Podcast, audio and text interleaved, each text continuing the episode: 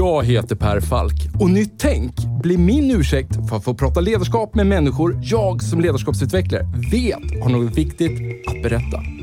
Och med tio avsnitt per säsong, varannan vecka, gräver vi därför ner oss i tekniker, principer och synsätt för att vi ska sätta fingret på vad som kännetecknar det ledarskap vi alla behöver se mer av. Och för att få de här samtalen att hända så har vi sponsorer. Först och främst min arbetsgivare Mindset, där jag och mina kollegor tar fram både små och stora ledarskapsprogram som skapar de nya beteenden som behövs för att få er strategi att hända. Allt handlar om att noga identifiera moments that matters.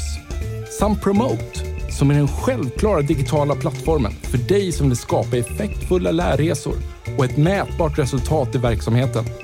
Och om ni vill ge era nya medarbetare en riktigt bra introduktion med en välkomnande och effektfull onboarding så tycker jag ni ska kontakta superproffsiga Induction. Ni hittar såklart länkar i avsnittsbeskrivningen. Nu hoppar vi in i samtalet. Enjoy!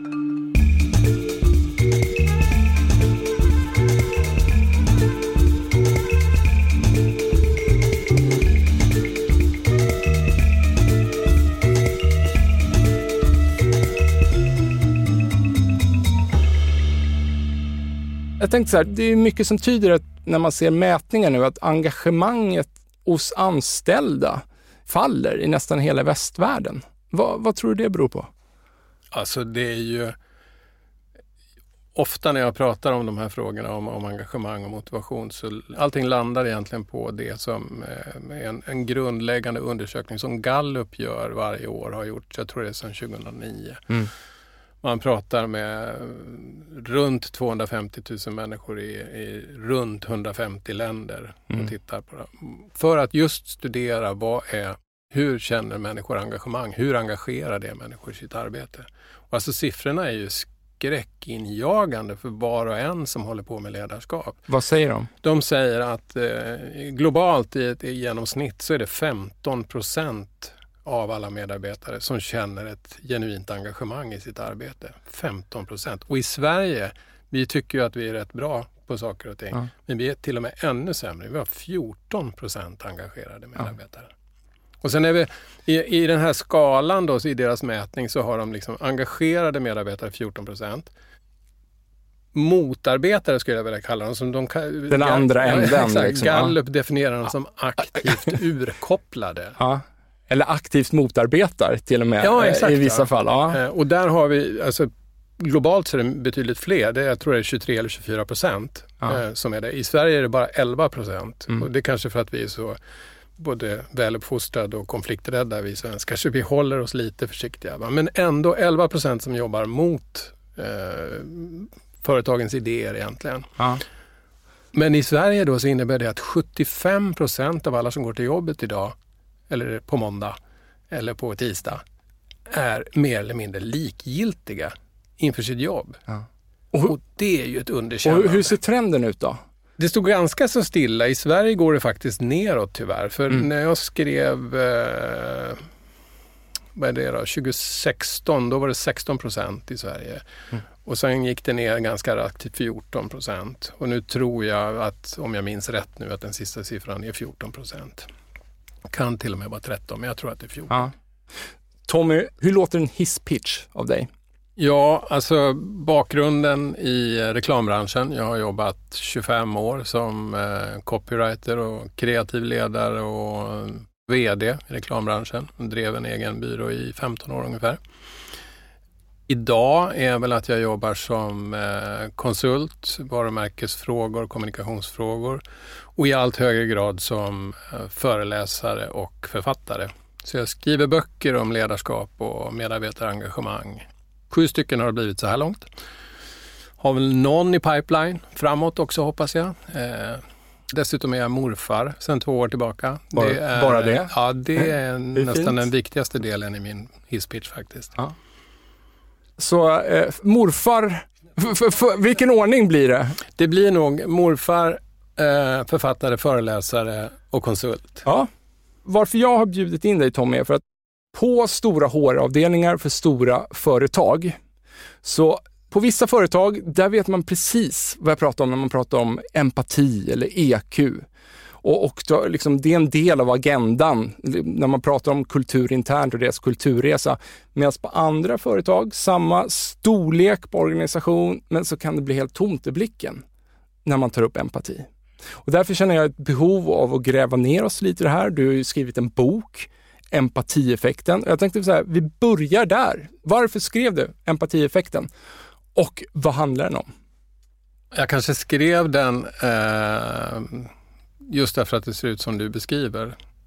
Egentligen empatieffekten, eh, det som är intressantast tycker jag nästan är, är underrubriken på den. Om människor ska intressera sig för jobbet måste chefen intressera sig för människor, säger mm. underrubriken. Mm. Mm.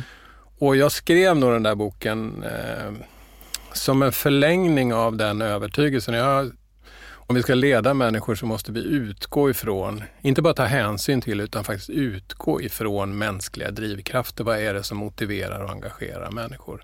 Och det är väl egentligen det som boken handlar om. Och idag så finns det så otroligt mycket kunskap och forskning på det här området som uppenbarligen inte så många chefer och ledare har tagit till sig. Ja. Det, som sagt, boken den är bra skriven. Eh, det är intressanta tankegångar. Den är full av experiment också som du hänvisar till, vilket jag tycker är intressant. Men jag tänkte så här, med mer och mer forskning som blir känd, ja. Eh, hur vi kan utöva ett modernt ledarskap på bästa sätt. Varför har vi en fallande trend? Jag tror att det är ett systemfel det finns massor med faktorer naturligtvis som, som påverkar människors engagemang i jobbet. Mm.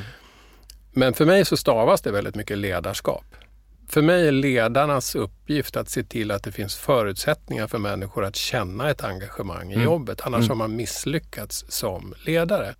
Och stavar vi det där ledarskap, då, då blir det ju liksom det det handlar om. För människor i chefspositioner har väldigt bra utbildning oftast. De är ekonomer och de är tekniker och de, de, de liksom har bra både erfarenheter och, och studiekunskaper med sig in i mm. bagaget. Men det är inte så himla många som har funderat så himla mycket eller studerat så himla mycket över hur människor fungerar.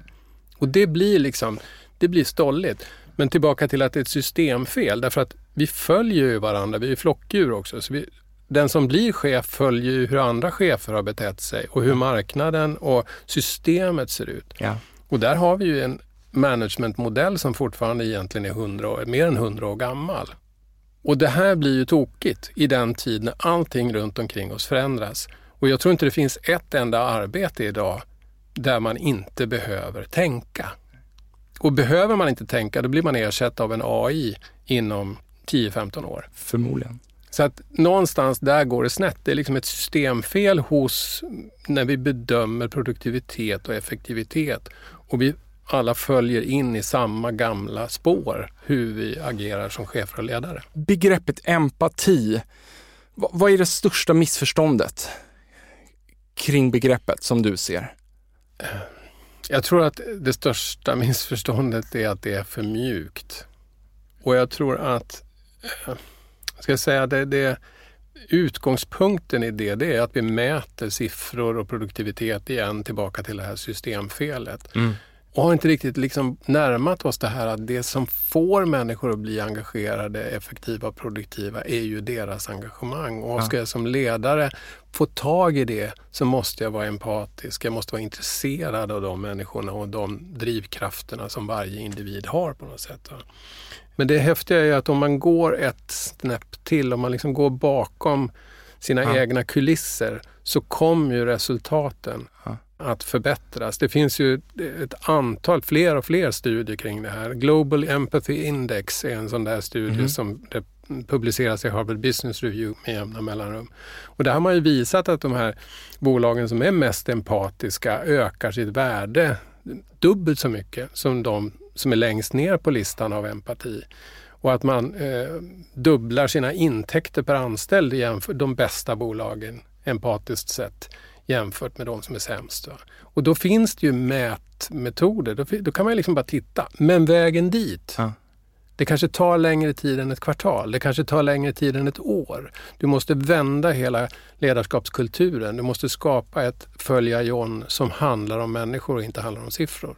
Det du just nämnde här, nu börjar det bli riktigt spännande. Men jag fick också en idé, vi kanske kan starta en, en hedgefond som bara, liksom, man måste komma på något sätt att mäta e-, empatin då inom ett företag och så satsar man på de företagen. Det finns ju en, en fondförvaltare som eh, bara utgår ifrån eh, medarbetarengagemangsundersökningar och kund, medarbetarnöjdhet. Jag kommer inte ihåg fondens namn, jag kommer Nej, inte ihåg fondförvaltaren, men jag vet att jag har läst att han har fått väldigt bra resultat. Ja. Och det är liksom grunden i investeringen, att se till att det finns ett bolag där människor är engagerade. Jag har en god vän som jag tidigare arbetat med. Han är ansvarig för Investor Relations på ett stort svenskt industribolag. Han berättade för mig att han får de senaste åren betydligt mer frågor om ledarskapet än vad som var tidigare. Ja, men det tror jag. Harvard Business Review har ju skrivit själva om att de har skrivit väldigt mycket om empati och det finns undersökningar som visar att det mest efterfrågade egenskapen när man tittar på när man söker ledare högt upp i systemet i USA ja. så är det numera empati, empatiska förmågor. I din bok så tycker jag du för väldigt bra resonemang hur människor rent generellt fungerar. Och jag tänkte att vi kunde börja där. Alltihop börjar med ögat på något sätt. Därför att vi ser Ögat är ju, det är ju superhäftigt. 137 miljoner synceller samlade i en liten boll som är mindre än en pingisboll som jag har skrivit om. Vi tar in nästan det mesta av vår omvärldsinformation, givet att vi har synen i behåll förstås, genom ögonen. Men grejen är att vi ser bara det som är viktigt för oss. Vi ser med hjärnan, inte med ögonen. Så vi, gör, vi har som en inbyggd filterbubbla i huvudet som gör att vi liksom skannar av bilden jättesnabbt och så det som, vi, som angår och engagerar oss och som vi tycker är viktigt, det är det vi lägger fokus på. Och då ser vi det. Så vi kan, se, alltså, vi kan titta ut på någonting du och jag och se två helt olika saker. Mm. Och det här är så viktigt tror jag när att man som chef och ledare fattar tillbaka till empatin. Att det inte är säkert att mina medarbetare ser samma sak som jag gör. Eller hör. Eller samma sak. Ja, ja alla alltså, sensorintryck. Ja. Och det är liksom empatins nyckel, att jag måste försöka förstå vad som rör sig i huvudet på den ah. jag ska leda. Ah. Så om vi tar den insikten då, och sen så hoppar vi upp en nivå och så, så, så pratar vi om hur, hur fungerar ett team? Är, liksom, är det smartaste teamet det bästa teamet? Ja, där finns det ju, det har jag också skrivit om, där finns det en otroligt intressant studie som Google har gjort som heter Projekt Aristoteles. Och jag tycker att det är otroligt intressant därför att de har verkligen data på sina, eh, sin forskning.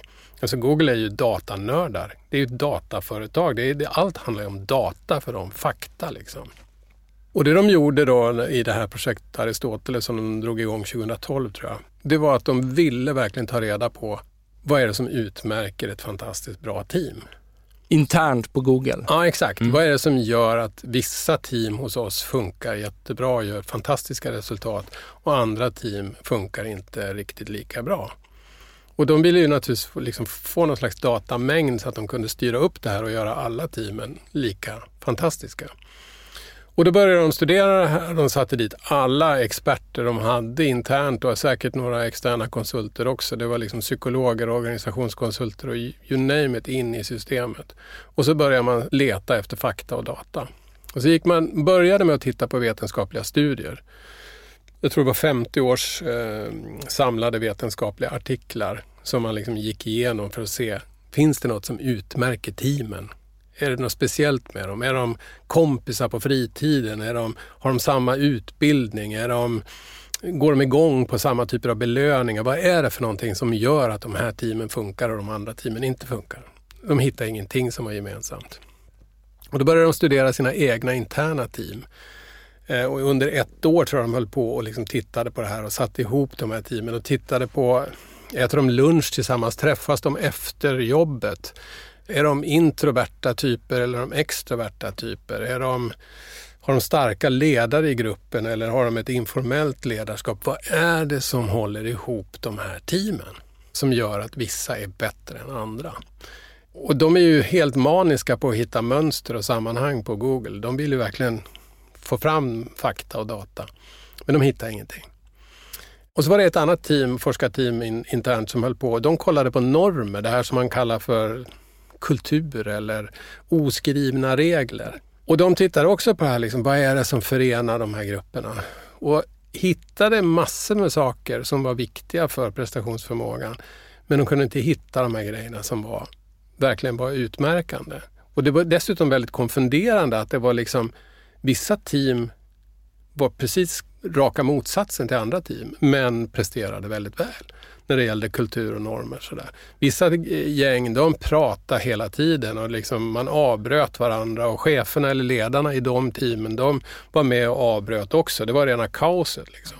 Och i andra team så satt man och hade samtalsledning från sin chef och man lyssnade i turordning. Och... Så det fanns ingen ordning man hittade inga system med det här.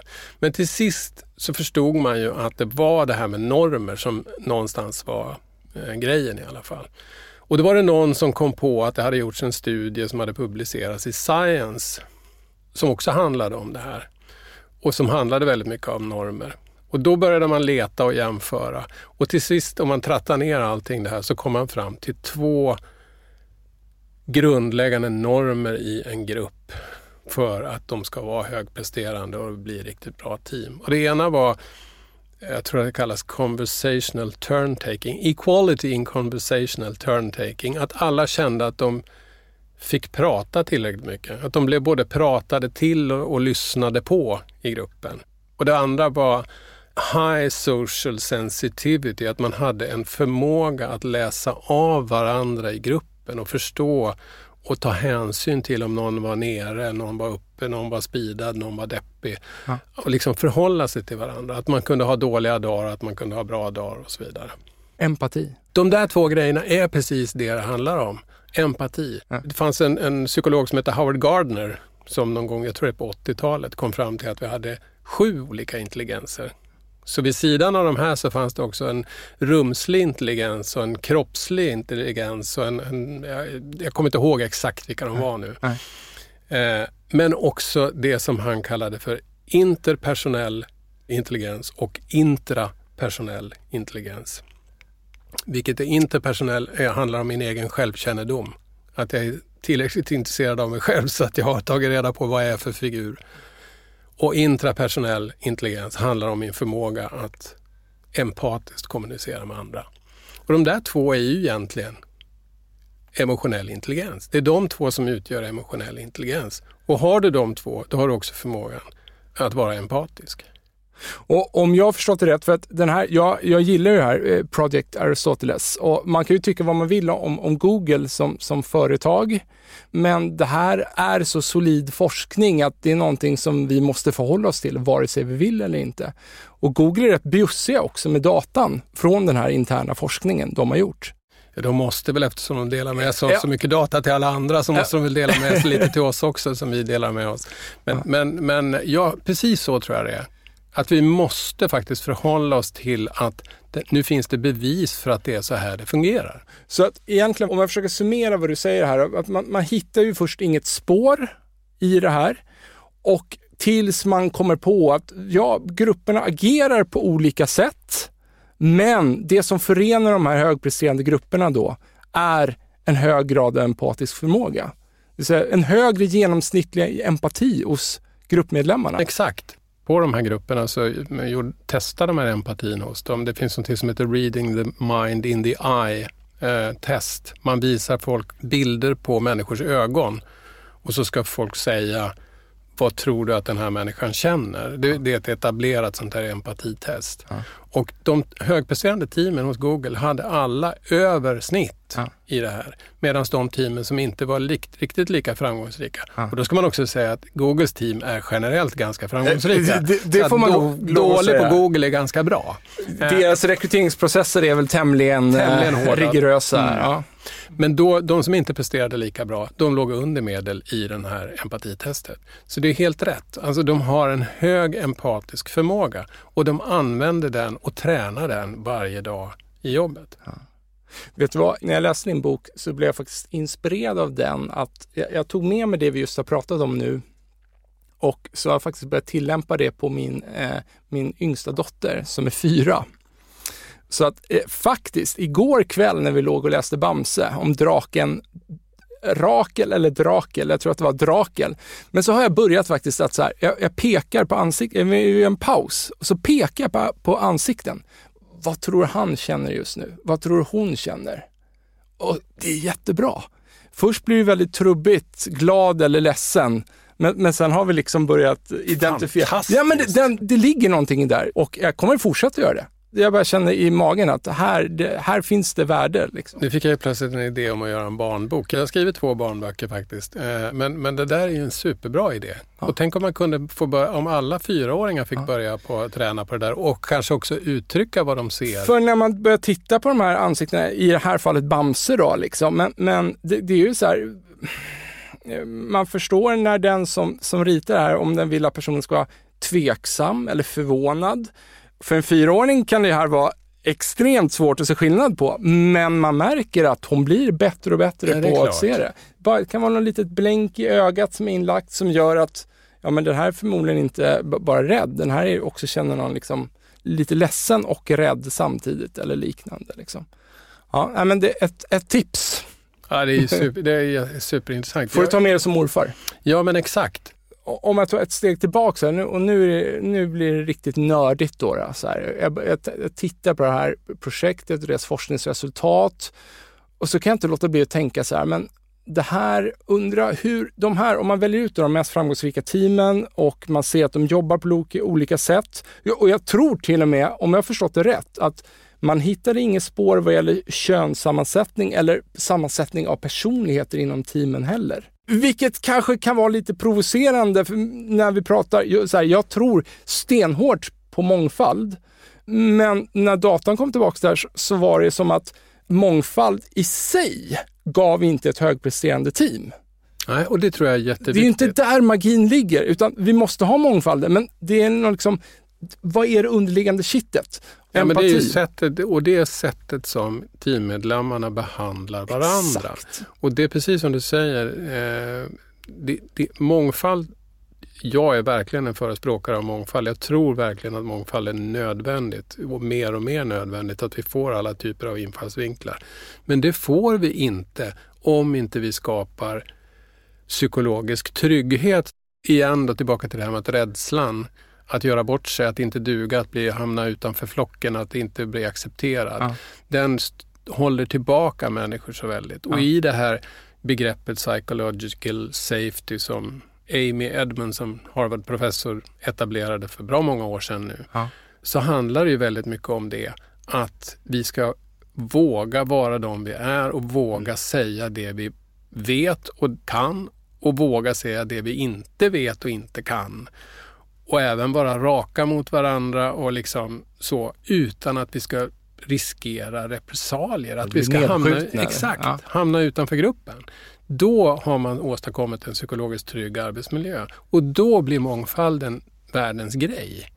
För då kommer alla de här idéerna att, att komma upp med respekt. Exakt. Och det, det är så här, när man läser undersökningar om att mångfald i bolagsstyrelser eller ledningsgrupper leder till ökad lönsamhet och, så vidare. För mig är det, eh, vad ska man säga, en, en, det blir ju som en, eh, en positiv symptom att äpplet är friskt. Ja. det, det vill säga mm. liksom att, att talang stiger mot ytan och att det finns en sund kultur. Och finns inte den här sunda kulturen och talang stiger till ytan, ja, men då blir det inte heller mångfald i toppen. Det var ett himla fint uttryck det där. Det var nästan poetiskt. Ja, men vad Talang bra. stiger till ytan. Ligger det en massa gegga högst upp på ytan så kommer i viss, inte talangen i vissa, upp. I vissa organisationer kan det nog ligga en, en hel del gegga. Ja, det tror jag. Och då kommer inte talangen upp. Nej. För den når inte ytan då. Och det där, tror jag, det där var, det, det var en himla fin bild. Bra, tack. Mm. Och, och sen så tänker jag också, då, och det var det jag började säga förut, då, där, när jag började säga att leders, ledarskapsnörden inom mig, för då började jag tänka så här, vad, vad, tror du då? Magkänslan här. Det, det, är ju, det är ju inte vi som har gjort eh, Project Aristoteles här, men har man tränat upp den empatiska förmågan i de här teamen? Eller råkar det bara vara så att slumpen gjorde att den sammanförde gruppmedlemmar som har hög empatisk förmåga och tillsammans då så blev de ett riktigt bra team. Förstår ja, du frågeställningen? Ja, jag, jag, tror jag förstår vad du, vad du menar. Jag, och jag tror, som du säger, det är inte vi som har gjort projektet. Vi vet egentligen inte hur de jobbar på Google. Eh, så. Men jag tror att de, de uttrycker i den här studien så uttrycker medarbetarna att det är en känsla som det handlar om. Och för mig så bor framgången i känslan. Mm. Att du kan skapa den här positiva, trygga känslan. Mm. Och jag tror då att om vi plötsligt får till en, ett teamwork, en, ett grupparbete där känslan är rätt och det händer mer grejer, det går lättare fram, vi, vi kommer på mer begåvade saker mm. tillsammans. Så lär vi oss något av det, kanske utan att studera, mm. utan att liksom göra det till vetenskap. Mm. Och så tar vi med oss det in i nästa grupp som vi jobbar med. Och så påverkar vi den gruppen fast vi kanske inte är riktigt medvetna om det. Ja. Så då blir det ett automatiskt eh, indirekt träningsläger i det där. Men det som Google har gjort nu då, det är ja. att identifiera det här. Så då kan man ju faktiskt börja träna på de beteenden, för det handlar väldigt mycket om beteenden. Ja. Att hålla truten ibland och lyssna på någon annan. Jag vet ju själv när jag drev reklambyrå att jag pratade alldeles för mycket. Alltså hade jag vetat vad jag vet idag så hade jag betett mig på ett annorlunda sätt. Det finns väldigt många som inte alls gillar att prata. Och hur får man den talangen att komma upp till ytan? Då måste man kanske täppa igen sin egen trut då och då. Va? Och då tänker jag det du sa, du sa ett fint engelskt uttryck där, alltså att, att man fick lika mycket tal, taltid. Tal, taltiden. ja. Det var, jag ska bara säga det, ett, ett, ett intressant exempel på det är tillbaka till när jag drev reklambyrå och pratade för mycket och eh, hade ett antal fantastiska medarbetare som inte pratade lika mycket. Och då hade vi måndagsmöten, eh, ingen unik historia, mm. det har man på många bolag. Och då vi gick igenom vad som skulle ske under veckan, vilka jobb som var på gång och så vidare. Jag pratade ganska mycket, vi hade någon projektledare som pratade ganska mycket och så var det några stycken som faktiskt inte sa så himla mycket. Och jag tog in och träffade en, en eh, en kamrat som jag sen skrev två böcker tillsammans med, Ola Berggren, eh, som tyvärr inte finns med oss längre. Ola blev personalchef på min reklambyrå en halv dag i veckan. Vi liksom tog in och sparrade varandra och sparrade medarbetarna eh, den vägen. Och då hade han en idé som var rätt skön, för jag sa att det, jag vill ju att de andra ska komma upp till ytan också, att de ska prata mer. Då aktionerade vi ut på Olas inrådan tiden på måndagsmötena. Så alla var tvungna att mentalt köpa taltid mm. i mötet. Och det var ju några som inte hade sagt något på 16 månader i princip på de här måndagsmötena. Och sen började sakta men säkert, eller ganska raskt egentligen, dynamiken i de här mötena och i gruppen att förändras. Och vi fick mycket mer talang att komma upp till ytan. Så bara genom att se till att de som inte har pratat i mötet får chansen att prata. Jag, eh, och jag har tagit upp det här tidigare också, men jag tycker det är så himla briljant. I min andra podcast, Mitt ledarskap-podden, intervjuar jag en Mikael Monsell från Atlas Copco. Och jag, jag, vet att jag är lite tjatig om honom, men, men det är så briljant det han pratar om. Det han gör är att han kallar det eh, 45 minuter med Mikael. Det vill säga att när han har one-to-ones med sin personal så är det de som tar fram agendan. Så han har ett rum och han lägger tiden på dem och han är där som en resurs och sen får hans personal bestämma vad behöver de använda Mikael till just nu i, som bollplank. Lysande. Och det, och, och det är verkligen briljant. Mm. Ja, det är jätteenkelt. Men igen och funkar det inte klockrent från början var han noga med att liksom han har skru skruvat lite på det? Eller, nej, eller nej, de... nej, nej, men att, att det är såklart att de första gångerna när hans team blev utsatt, de känner nog att de blev utsatta för det här då, så tyckte väl de att det var lite konstigt mm. och det skavde lite. Men, men, han liksom, bara för att det blev konstigt så slängde han inte in handduken. Utan han höll liksom fast vid den här planen. Har jag en sån där tanke så måste jag ju få pröva den hela vägen ut. Det kan ju inte funka från början. Du måste ju få liksom en, en, en träningstid på något sätt. Men det där, jag tycker det där låter fullständigt briljant och det, det får mig att tänka på det här låter nästan som en instruktion. När han liksom 45 minuter med Mikael.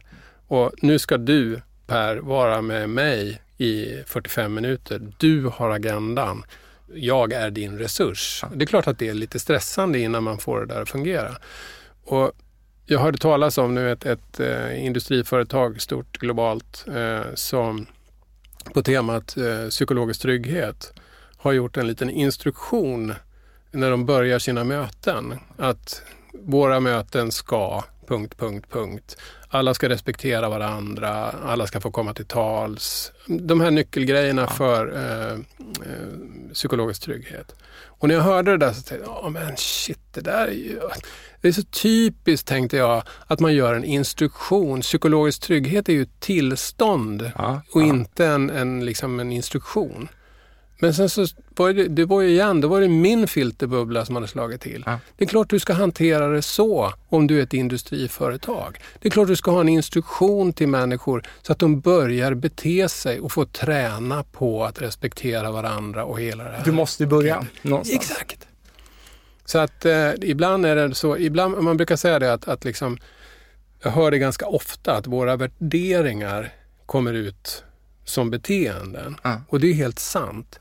Men det kan också vara så att våra beteenden skapar våra värderingar. Fortsätt. Det här jag tycker jag är jätteviktigt. Jag, jag bara tänker, om, om jag startar firma, vilket jag gjorde en gång i tiden, så följer ju de som börjar jobba hos mig de regler och beteenden som jag har satt igång. Och det är ju ingen som vet vad jag har för värderingar där i början. Men om jag säger att hos oss börjar vi klockan åtta på morgonen, ingen kommer för sent. Då är det ett beteende och en, en regel nästan. Sen blir ju det värdering över tid. Om man anställer en massa människor, alla kommer i tid. Ja. Då är det liksom, för oss är det viktigt att komma i tid. Ja. Och det där är inga konstigheter. Menar, tala med vilken KBT-terapeut som Exakt. helst så skulle den personen säga, ja men självklart är det så. Exakt. Men då blir det istället att, att man, gör, man gör en värdegrund med fem ord och så bockar man av det och sätter in det i pärmen och så tycker man att man är ett värderingsstyrt företag. Ja. Fast man beter sig inte så. Nej, ett stort problem. Självklart ska vi prata mer om värdegrunder och kultur i ett annat avsnitt här och eh, prata om vad, vad ligger bortom de här fem värdeorden som sätts upp på väggen. Du, det hade ju varit jäkligt intressant också i de här Google-teamen att se som sagt hur lyckas de fortsätta vara eh, högeffektiva över tid i förlängningen när nya gruppmedlemmar kommer in och så vidare. Om man lyckas bibehålla den här, som du säger, den här känslan. Mm. Och det är kanske är ett uppslag för Aristoteles Project 2. Ja, det borde ja. de naturligtvis följa upp och se. Eh, och jag tror ju igen då, jag tror att de har mätt det här för att ta reda på det, för att kunna träna och för att kunna utveckla det här. Sen tror jag att de mäter lönsamhet och, och eh, innovationstakt och, och, den typen av, av mätetal. Ja. Men vid givet tillfälle så kanske det är bra att gå tillbaka ja. och, och, och, titta på hur utvecklingen ser ut i grupperna. Vi, vi kanske ska säga så här då. Google, if you hear this and want to do a project Aristoteles Two, Per and Tom is up for hire. Exakt. Ja.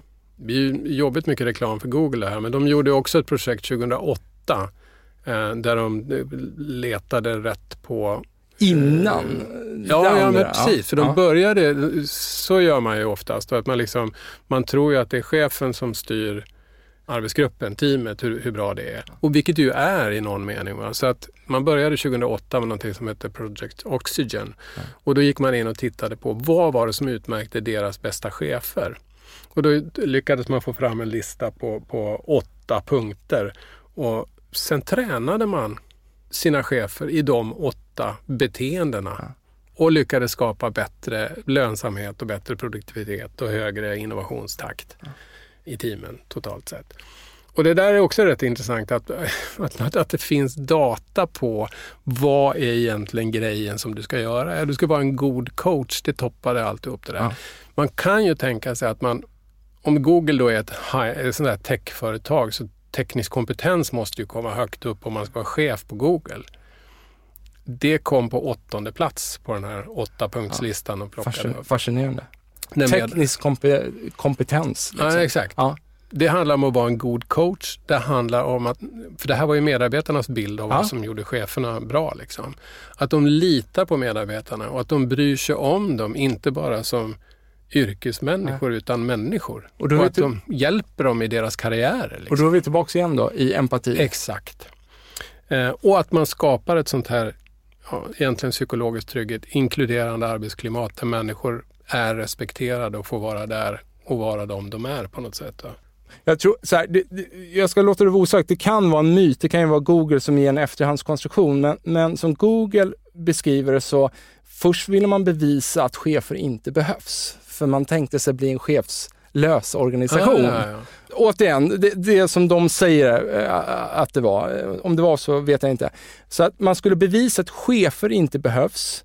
Men när datan kom tillbaks så visar den väldigt klart och tydligt att så här, att grupper med uppskattade ledare inte Exakt. bara var mer produktiva utan de mådde bättre, oomtvistat. Och då börjar man ta fram den här listan. Och som jag har förstått det också så är det så här, men, men du sa ju det, teknisk kompetens hamnar nästan på botten. Jag tror en annan bottenplacering är att man är duktig på att ta beslut. Ja, för de, de kompletterade listan sen. Det var åtta punkter, nu är det tio punkter. Och på tionde plats kommer att man är en bra beslutsfattare. Ja, ja. Och när jag blev chef som jag inte ju valde att bli egentligen utan jag startade firma och började anställa folk, då blir man ju chef på något sätt. Ja. Det som stressade mig nästan mest efter ett tag när poletten trillade ner och jag förstod att människor betraktade mig som chef. Det var just det där att fatta beslut. Och, och, och liksom jag, det stressade mig och jag kunde liksom själv tycka att jag var långsam i beslut. Varför tar jag inte beslut om det här på en gång? Ja. Eh, och det är inte min person. Men nu förstår jag ju att det var ju bara min egen oro. Det är ingen högprioriterad punkt hos medarbetarna, i alla fall inte på Google och jag tror att de är relativt representativa. E, e, exakt, det ska man väl också framhålla att så här, det här är en drivkraftanalys som är gjord på Google. Så här, I princip så på ICA skulle någonting annat kunna gälla. Jag, jag, så här, I princip, jag, jag, tror att man skulle få ett rätt snarlikt resultat. Jag tror också det.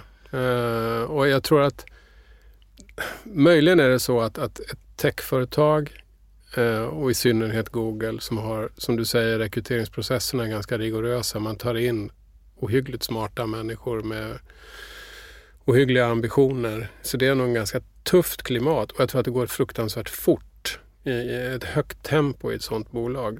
Det kanske går långsammare på ett svenskt industriföretag än vad det gör på Google. Men jag tror att relativt så är liksom punkterna, frågeställningarna likadana. Ja. Åtminstone när det gäller de här på toppen. Att man är en god coach, att man är en stöttande, intresserad ledare som skapar ett psykologiskt tryggt arbetsklimat. Ja. Det är ju mänskligt. Det spelar ju ingen roll vad jag gör om jag jobbar på ICA eller på Sandvik eller på Google. Och jag tror, om jag uppfattat det rätt också, som att Alltså att det, det, är en drivkraftanalys som gör att, att det är inte bara att, att ettan är viktigare än tvåan, den är även mycket, alltså du får högre utväxling för, för ettan. Ja.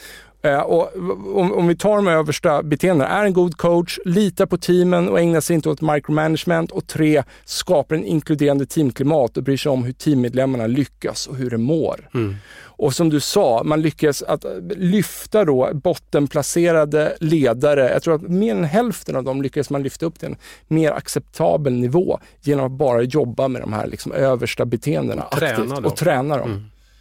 För det handlar om det. Det där tycker jag är jätteviktigt, att ledarskap och empati då, ett empatiskt ledarskap, det handlar ju inte om vad jag tänker, utan det handlar om vad jag gör. Det handlar om beteenden. Om jag är världens mest empatiska ledare i huvudet på mig själv så spelar det liksom ingen roll. Utan jag måste agera och bete mig så att mitt, min empati syns och märks bland medarbetarna. Och där, för mig finns det någon slags positiv spiral där för att om jag bryr mig om mina medarbetare så kommer de att bry sig om mig och då kommer vi att bry oss om helheten. Alltså det blir en, det, det, det är något positivt i det där. Kan du tänka dig se ett scenario framför att om vi nu uttrycker så i klassiska termer som chefen och gruppen, eh, att båda väntar på varandra där? Man kommer liksom inte vidare utan jag som chef vill se att gruppen bryr sig om företaget och verksamheten. Och, och när inte jag ser det, då, då, visar inte jag att jag bryr mig om dem. Och, och, och tvärtom. Och så, så kommer man liksom inte förbi det här äh, första. Nej, men det är en jättebra bild. De står och väntar på varandra. Eh, helt säker att det är så. Så om du spolar tillbaka tiden då till din reklambyrå, hur hade du gjort om du hade liksom försökt praktisera allt det här? Jag startade nog reklambyrå utifrån att få hitta på idéer och göra reklam. Fyndig och smart och, och bra och intressant reklam. Så jag var, som ledare tror jag att jag hade en, en, en, positiv, eh, inspirerande kraft på sitt sätt. Men jag tror också att jag stod i vägen för människors utveckling därför att jag var så sugen på att själv stå i, i rampljuset och få påverka idéerna. Det blev lite micromanagement-tänk över det. Liksom. Ja. Varför? Ja, men det var mitt eget ego tror jag. Som, ja. som, eh, och jag fattade inte då eh, att ledarskap handlar om andras utveckling. Mm. Alltså hade jag definitivt kunnat liksom få människor att växa på ett annat sätt och kanske även få företaget att växa på ett mm. annat sätt. Om jag hade förstått det och klivit åt sidan eller uppåt eller neråt, hur man nu betraktar det. Men, men bort ifrån liksom den dagliga liksom produktionen och vara ja. där och, och, och kontrollera eh, och ge människor istället större utrymme. Jag är så otroligt eh, taggad på tanken att och det hänger ihop med det här som, som Google kallar för coachande ledarskap, att man är en god coach. Ja. Det beskrev deras medarbetare som att man, cheferna gav dem hjälp att lösa problemen på ja. egen hand. Inte att de gav dem svaren, nej, nej. utan att de ställde frågor som gjorde att de kom till lösningar själva. Och det tror jag att jag skulle ha varit bättre på. För nu, där och då så var jag liksom hade något, några kört fast, då kom jag med en idé som förlöste det hela. Ja. Men jag kanske skulle ha ställt frågorna istället som gjort att de hade kommit på idén. Då hade de känt sig tryggare ja. och vuxit därför att det var deras idé, inte min idé som de genomförde. I, i stunden hade det tagit lite läng- kraft med energi ja. och tagit längre tid. Ja. Men det är såklart i förlängningen, om man sätter en sån grej i system, vad händer då? Ja, men alltså det är det som är grejen, att ja. du måste få ta tid. Bodil Jönsson har sagt det någon gång, att tankar tar tid. Och det har jag tagit med mig också, att jag tycker att det är så otroligt viktigt att vi kan inte behandla, om vi tar kreativ innovativ verksamhet, vilket alla företag skriker efter också idag, så måste det få ta tid. Och på samma sätt så måste det få ta tid att utveckla medarbetarna. Och vi måste ge det tid. du kan inte sätta dig ner och säga att vi har ett utvecklingssamtal en gång om året. Och, vilket är en ganska kravfylld situation dessutom. Jag tror igen då att 45 minuter med Mikael då och då den, den gör är... liksom stor skillnad. Ja. Det behöver inte vara mina idéer, även om jag tycker att jag har en bättre idé ja än den idé som min arbetsgrupp ja. har kommit fram till. Ja. Så måste jag tvinga mig själv att hålla mig lite bakom där. Eller åtminstone inspirera dem att komma längre i sin idé. Inte instruera dem eller ge dem lösningen. Jag tänker så att förmodligen i fler fall så kanske din idé till en början var bättre för du hade mer erfarenhet. Då trodde jag att den alltid var bättre. Ja, ja, ja, jag förstår. Men, men, om vi leker med tanken på att den faktiskt var bättre, mm. så blir ju, det blir ju ett problem om den enda gången man ska släppa fram gruppen är när de övertrumfar eh, dig. Ja, det, det ligger ju i sakens natur. Det kommer aldrig i så fall hända. Nej. Och för mig har det där blivit en sån där grej att ta med sig in i ledarskapet. Tro det bästa om dina medarbetare. Robert Rosenthal gjorde 1968 en studie som det har kommit ut, så det man kallar resultatet för Rosenthal-effekten eller Pygmalion-effekten. Man gjorde det här från universitetets sida tillsammans med en grundskola, jag tror det var årskurs 7, som fick göra IQ-test som rättades av forskarna. Och sen så samlade forskarna in de här då och rättade dem och så valde man ut 20 procent i varje klass. Helt slumpmässigt. Man bara plockar de här eh, testerna och så delades de ut till lärarna, de här 20 procenten, sa man att de här eleverna kommer att gå bra för. De här har talang, de här har bättre förmåga än de andra att bli riktigt bra och klara studieresultaten. Sen gjorde man om IQ-testet ett läsår senare, höll jag på att säga, i slutet på läsåret. Och mycket riktigt, just de 20 procenten som hade blivit utpekade som de mest talangfulla eleverna, de hade bättre studieresultat än alla andra. Och grejen var att de var slumpmässigt utvalda. Så hela framgången, det handlar inte om att de eleverna hade att det var deras hjärnor det handlade om, utan det handlar om hjärnorna hos lärarna som betedde sig annorlunda mot de eleverna för de trodde att de var mer benägna att ha bra studieresultat. Spela inte på favoriter. Exakt. Hela... Och, det, och det, det, är lättare sagt än gjort. Därför att det, blir, det kan uppstå liksom eh, personkemi, man, man gillar varandra, man pratar samma språk och alltihop det där. Men tillbaka, det är en ny roll om jag har blivit chef och ledare. Jag måste förhålla ja, mig till det där. Ja, och jag måste se alla med samma ögon på något sätt. Och som du sa, nu har vi pratat jättemycket om Project Aristoteles, men det var ju faktiskt alla gruppmedlemmarna som tillsammans ansvarade för att alla fick liksom lika mycket talutrymme. Det finns en svensk forskare, Anders Eriksson, som har blivit jättekänd i världen för att han har påstått att det tar 10 000 timmar att bli expert på någonting. Vilket är en alldeles för förenklad sanning. För det som är Malcolm Gladwell, författaren, egentligen är skyldig till. För det var han som lanserade exakt, den här idén. Exakt, jag tror att Anders var faktiskt inte så glad på Nej. Malcolm, för han tyckte att han förvanskade hans ja. forskningsresultat. Där. Och det är mycket möjligt. Men det som Eriksson egentligen kom fram till var ju att det var inte så mycket timmarna, även om de behövs, som man tränar, utan hur man tränar. Ja. Och experter i hans forskning i alla områden oavsett om de är idrottsstjärnor, musiker, företagsledare, kirurger, whatever, kirurger ja. så blir de experter därför att de fokuserar på, inte bara på sina styrkor, utan på sina svagheter. Ja. Och de gör det som han kallar för målmedveten övning. De ja. identifierar de felaktigheter, det de inte är riktigt bra på och sen tränar de det till vansinne tills de blir riktigt bra på det. Och de går över från det som de kallar för självmedveten inkompetens. Ja. Jag fattar att jag inte klarar av det här. Jag är inte så bra på att hoppa över den här höjden eller um, skära i den här buken eller vad det nu är för någonting. Man går från självmedveten inkompetens till omedveten kompetens. Man bara har tränat sig till det så att det bara sitter.